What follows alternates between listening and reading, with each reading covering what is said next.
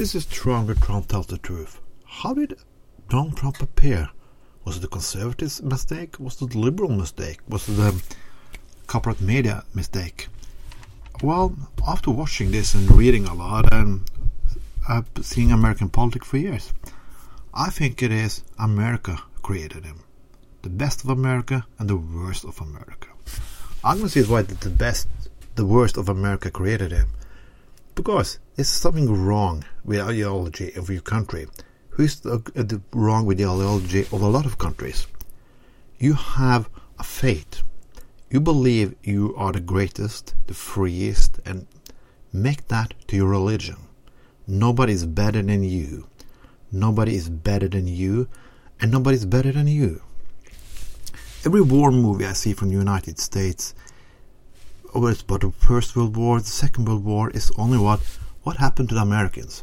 How did Americans suffer? How did Americans got it? Everything is about you. It's not Trump who created that ideology. It was you. You think everything it's about you 24/7. What? Well, it have a lot of wars in the world. You never talk about. It have a lot of terror in the world. You don't talk about. You know, there was more terror in Europe in the 60s, 70s, and 80s than it is now.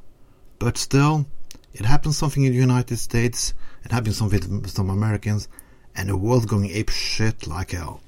You created that. Every one of you Americans created that ideology.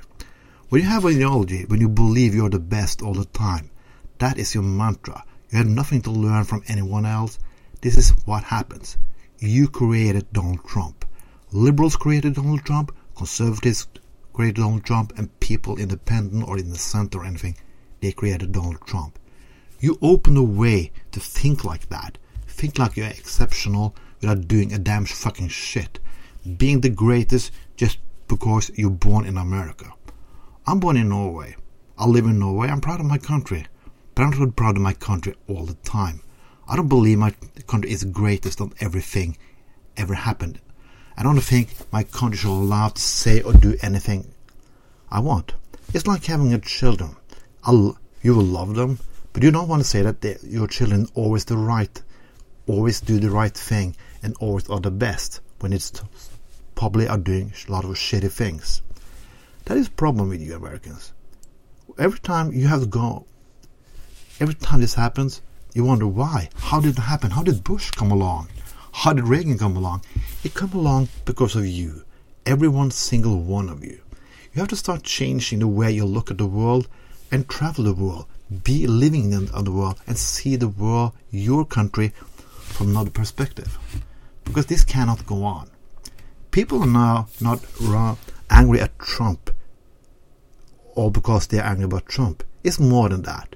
We had it. We are tired of this bullshit. We have kissed your ass for years, and we'll listen to your bullshit for years, and we only come along just because we need to.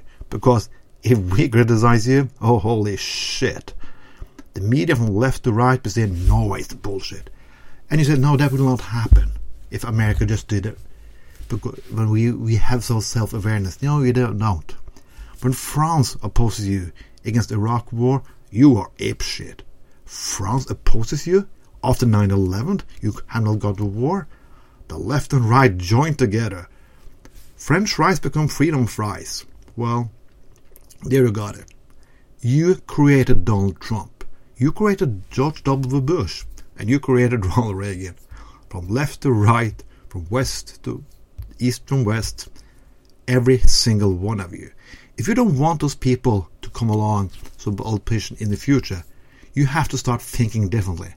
Because I'm sick of it, Europeans are sick of it, a lot of people around the world is sick of it. These days is happening something different, my funny in Norway people who are conservatives, yes, conservatives, are criticizing you and have problem with you. Well, it took a long time for them to oh, get a head out their ass, but they did at least. They, well, so what can I say to you tonight on this? You have to change. Do you want change? Yes, but start with yourself, damn, damn it. This was Trond with Trond Tells the Truth.